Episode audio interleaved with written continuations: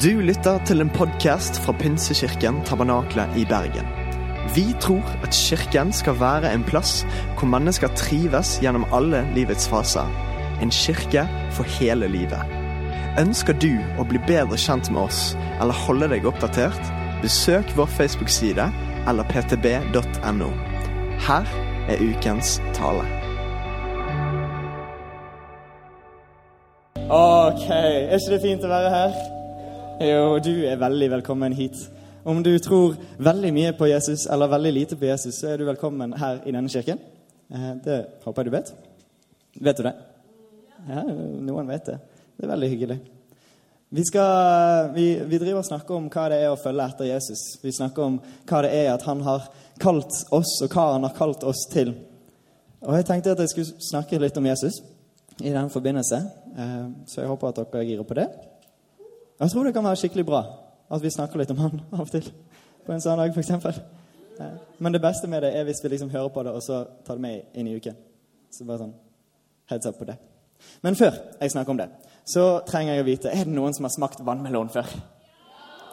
Opp med en hånd. Ja, de aller fleste har smakt vannmelon. Ok, En gang så var jeg syk. Jeg tror jeg hadde influensa eller et eller annet sånt. Og, og det er ganske kjedelig å være syk. ikke det? Du har sånn feber, og du blir varm, og du blir sliten. og og Hvis du ser for deg at du i tillegg er sånn 6-7 år gammel og du er på en ferie og du er syk, da er det jo enda verre. For du vil jo gjøre alt annet enn å være syk. Så jeg var syk, og så spiste jeg Jeg tror det var en vannmelon-tyggis, men det kan ha vært en yoghurt. Et eller annet sånt. Og så skjedde det noe merkelig, for jeg, jeg nøs mens jeg hadde det i munnen. Og så plutselig så var det liksom i hele nesen min. Det var helt forferdelig, for det var der flere dager etterpå. Og i lang lang tid fremover Lukt har en sånn spennende effekt på hukommelsen vår. For det er sånn at Når du lukter noe, så plutselig får du en sånn flashback til, til sist du luktet det. Så hver gang jeg bare tenkte på lukten av vannmelon, så bare fikk jeg sånn grasser inni meg fordi jeg tenkte på hvordan være syk på ferie. Og det vil jeg bare dele med dere her i kveld. Og så og så skal vi snakke om Jesus. Det blir hyggelig. Vi skal, vi skal hoppe inn i Lukas evangeliet, i kapittel 9. Og Der finner vi en rekke med forskjellige utsnitt som viser noe om hva naturen er av å følge etter Jesus. Vi, det, vi er ganske sånn mot slutten av kapittelet, og i vers 46 så ser vi Jesus avbryter en samtale mellom to av disiplene. De krangler om hvem av de som skal være den største. Han utfordrer nok innstillingen deres, fordi han avbryter dem med å vise dem et lite barn, og så sier han dette her. Den som tar imot dette barnet i mitt navn, tar imot meg. Og den som tar imot meg, tar imot han som har sendt meg. For den som er den minste av dere alle, han er stor. Og videre i vers 49 så ser vi at disippelen Johannes han, han reagerer på at det er noen andre enn liksom the inner circle av de tolv disiplene som driver ut demoner i Jesus sitt navn. For han tenker jo at det er jo bare vi som gjør denne Guds misjon her.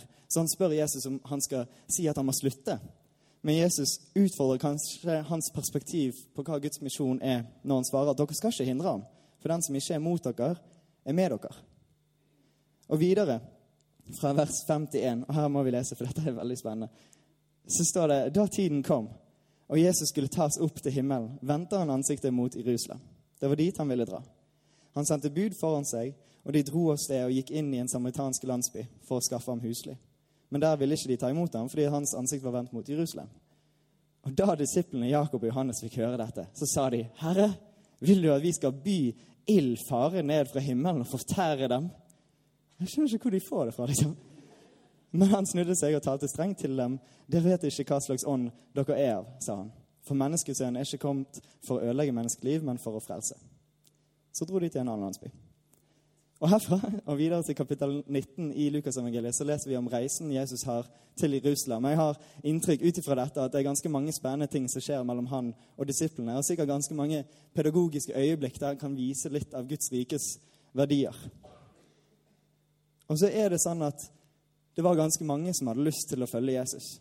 Og Jesus var ganske frimodig med å si 'følg meg', men han var samtidig ganske tydelig. Har dere hørt om tough love før? Ja, tror, Vi tror på en Jesus som elsker oss. Men kjærlighet innebærer ofte å være litt tydelig. Fordi Det vi skal lese nå, det er at Jesus setter noen tydelige krav til de som ønsker å følge. Fordi han vil at de skal vite hva det er de holder på å begi seg ut på. Så vi leser det fra vers 57. Mens de gikk der på veien, var det en som sa til han, 'Jeg vil følge deg hvor enn du går'. Og Jesus svarte ganske kryptisk, 'Revene har hi, og himmelens fugler har rede, men menneskesønnen har ikke noe han kan hvile hodet på.' Han sa til en annen, 'Følg meg.' Men mannen svarte, 'Herre, la meg først gå hjem og begrave min far.' Og Da sa Jesus til han, 'La de døde begrave sine døde, men gå du av sted og forsyn Guds rike.' Det var også en annen som sa, 'Jeg vil følge deg, Herre, men la meg først få si farvel til de der hjemme.' Men Jesus svarte, 'Ingen som har lagt hånden på plogen og så ser seg tilbake, er skikket for Guds rike.' Her er Jesus plutselig veldig tydelig, og ganske hard egentlig. Men han sier ikke at de ikke kan få lov til å følge. Han inviterer de fortsatt. Det er fortsatt opp til oss om vi vil følge. Men han setter noen tydelige krav på hva det kommer til å innebære. Først så ser vi denne advarselen at rever har, hi og fugler har rede, men menneskesønnen har ikke noe sted å hvile hodet. Opp med hånden hvis du har en seng. Ja, de aller fleste. Det er studenter her, så det er ikke sikkert. Men, men jeg tror ikke at poenget hans er at ingen som følger Jesus, skal noen gang ha et sted å hvile hodet. I så fall så gjør vi noe fryktelig feil hvis vi prøver å følge Jesus mens vi har en seng. Men tro at det Jesus ønsker å gjøre, er å være ærlig og tydelig på at det kommer til å koste. Å følge Han kommer til å snu livet ditt på hodet. Det kommer til å forandre ting i ditt liv, og det kommer til å forandre ting rundt deg. Det kommer til å føre til et annerledes liv enn de som lever rundt deg. Det kommer til å koste, og i det evige perspektivet så kommer det til å være fullstendig verdt det. Men her og nå så kommer det til å koste. Og han advarer oss om det på forhånd, før vi følger. Og det neste vi ser, det er en ganske hard utfordring. Og Jeg tror ikke at poenget til Jesus er at vi verken skal droppe begravelser, eller at vi skal la være å hedre våre foreldre. Men jeg tror at grunnen til at Jesus sier dette, er fordi at han kjenner igjen at det er denne typen her som ønsker å gå hjem og begrave sin far, egentlig prøver å gjøre, er å utsette det å skulle følge Jesus. For På denne tiden så var det sånn at en begravelsesprosess det kunne ta opptil et helt år. Så det var liksom ikke en sånn der, jeg skal hjem og gjøre det en dag, og så kommer jeg tilbake. Men det er sånn jeg utsetter og setter deg på vent, for jeg må fikse dette her først. Og det er en ganske hard utfordring. Men det Jesus utfordrer på, er skal du følge meg, så må du prioritere meg. Skal du være en som følger etter meg, så må du sette meg på førsteplass. Og du må droppe de distraksjonene som er rundt deg, og sette meg først. Og I det siste møtet så ser vi dette enda mer. Ingen som legger hånden på plogen og så ser seg tilbake, skikket for Guds rike.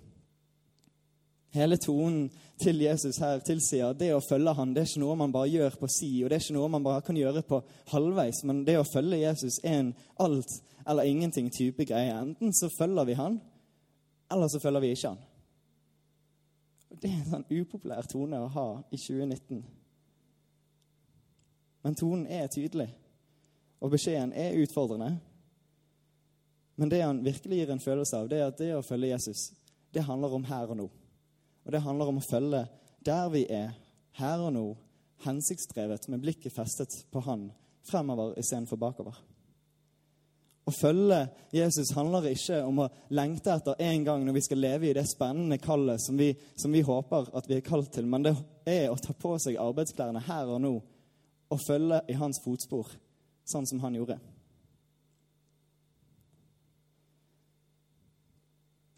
Men så hard som Jesus er i sine krav, hva skjer når vi bommer? For han setter krav, men han lar det fortsatt være opp til oss å følge. Og jeg tror ikke at han er den strenge diktatoren, men jeg tror at han er det kjærlige forbildet. Han inviterer oss ikke til å følge han fordi han ønsker oss vondt. Men vi tror at han er den som kjenner oss best, og han er den som ønsker det beste for oss. Og vi inviteres til å følge fordi han vet at det mer vi følger han, det mer og mer vi kommer til å se av det Guds rike som vi ble skapt til å leve i. Og så er Jesus superkjent for å gi nye sjanser. Om du legger hånden på plogen, om du begynner å følge Jesus, om du begynner å gå i den retningen, og så ser deg tilbake, så tror jeg ikke at han kommer til å rope etter deg og si at nå er du ute, nå er du diskvalifisert. Du får prøve på nytt. Du får fortsette å følge. Og der kan vi se på Peter. For han er prakteksemplaret av å være en som ønsker å gjøre det riktige. Han ønsker å følge Jesus, men han bommer gang på gang. Han er liksom så bombastisk. De andre i Norge de snakker om Peter som den bergenske disippelen som bare prøver så hardt og ikke får det til. Skjønner ikke hvorfor nordmenn sier det om oss. Men han er den som hopper ut av båten og begynner å gå på vannet. Og han får det til, men så mister han blikket på Jesus, og så begynner han å falle gjennom vannet.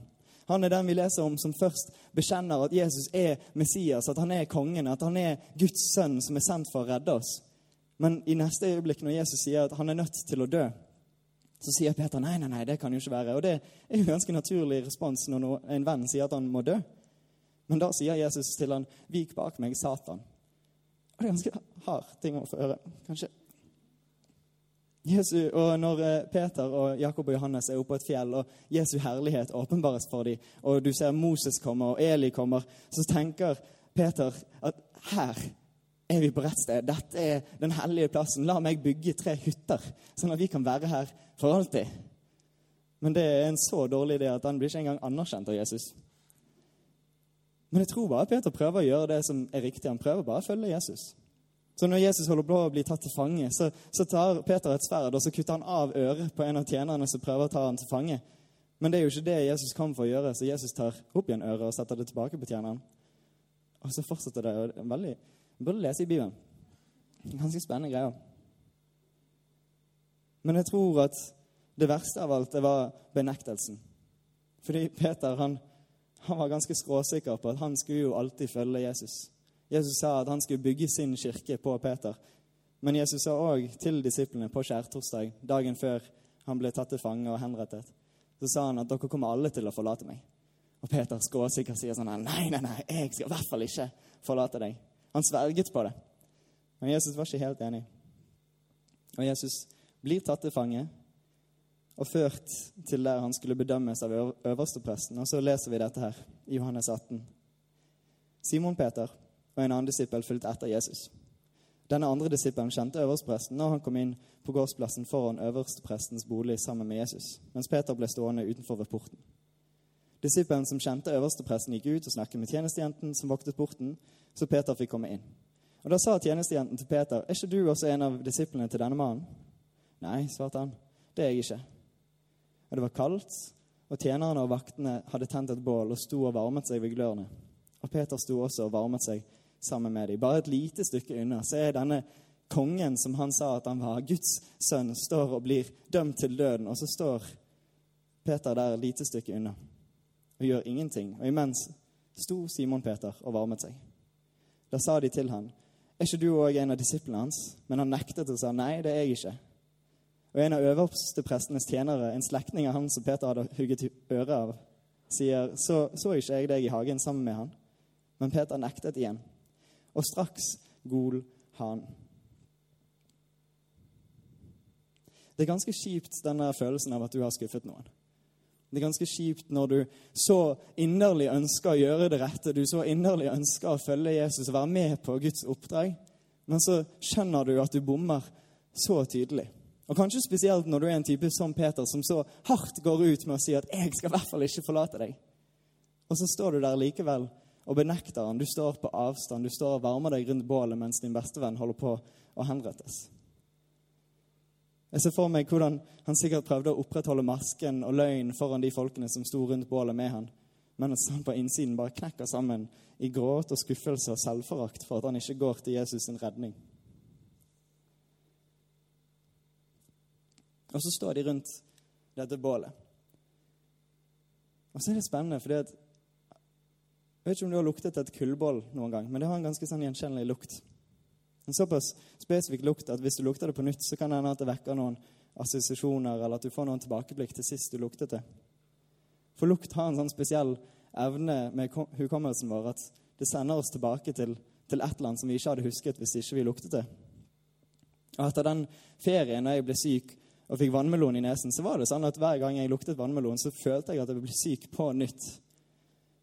Og jeg lurer på om det var litt sånn med Peter, at hver gang han gikk forbi noe som helst bål, så dras han tilbake til den natten og kjenner på den selvforakten igjen. Og kjenner på det at han som, skulle, han som Jesus skulle bygge sin kirke på, han forlot han.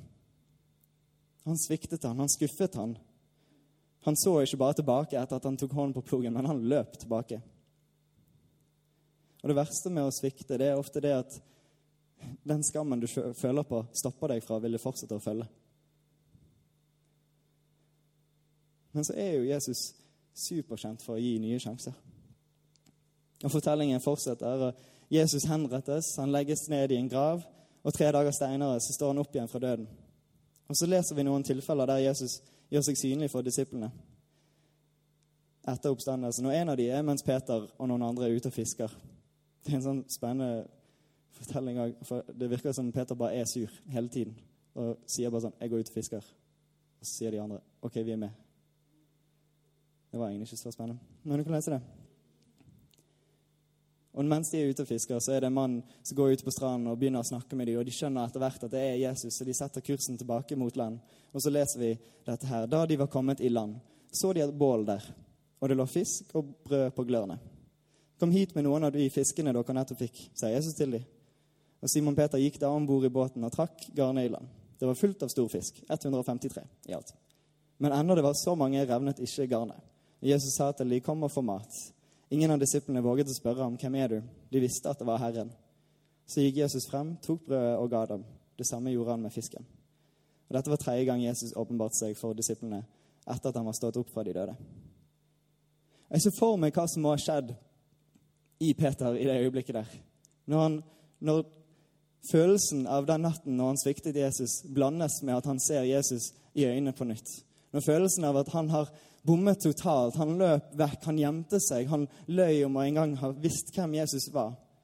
Han som Jesus skulle bygge sin kirke på. Skuffet han fullstendig. Og så døde Jesus, og Peter fikk ikke en sjanse til å rette opp i det igjen. Og så kommer nok alt dette tilbake til han når de står med det bålet, og samtidig så ser han Jesus i øynene. Og så virker det som om Jesus har en plan om å ikke bare gjenopprette kallet til Peter, men til og med å fikse opp i det såret av assosiasjoner som han kanskje kjente på fra skammen. Vi leser videre at da de var ferdige med måltidet, sier Jesus til Simon Peter, Simon, sønn av Johannes, elsker du meg mer enn disse? Og han svarte, Ja, Herre, du vet at jeg har deg kjær. Og Jesus sier til ham, Fø lammene mine.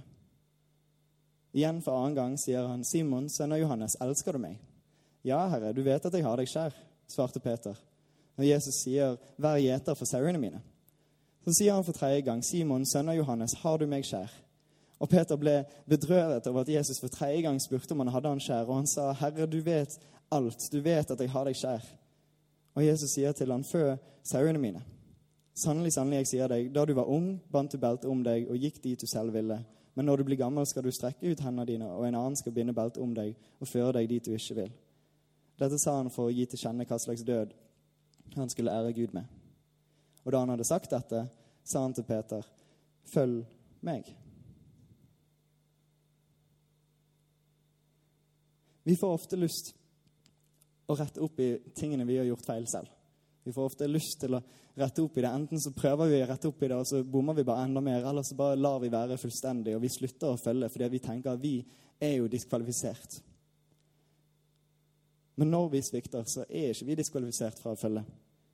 Vi diskvalifiseres ikke fra det kallet som vi er blitt gitt, fordi Jesus kommer bare tilbake og så spør han oss bare på nytt elsker du meg.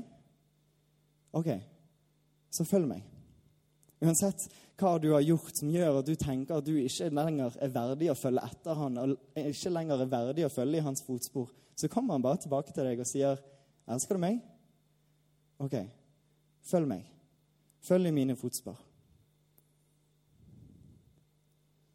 Hvis vi hopper tilbake til Lukas-evangeliet, tilbake til de ganske tydelige kravene som Jesus satte til disiplene, så er det ganske merkverdig å se det første han sier etter kravene er satt.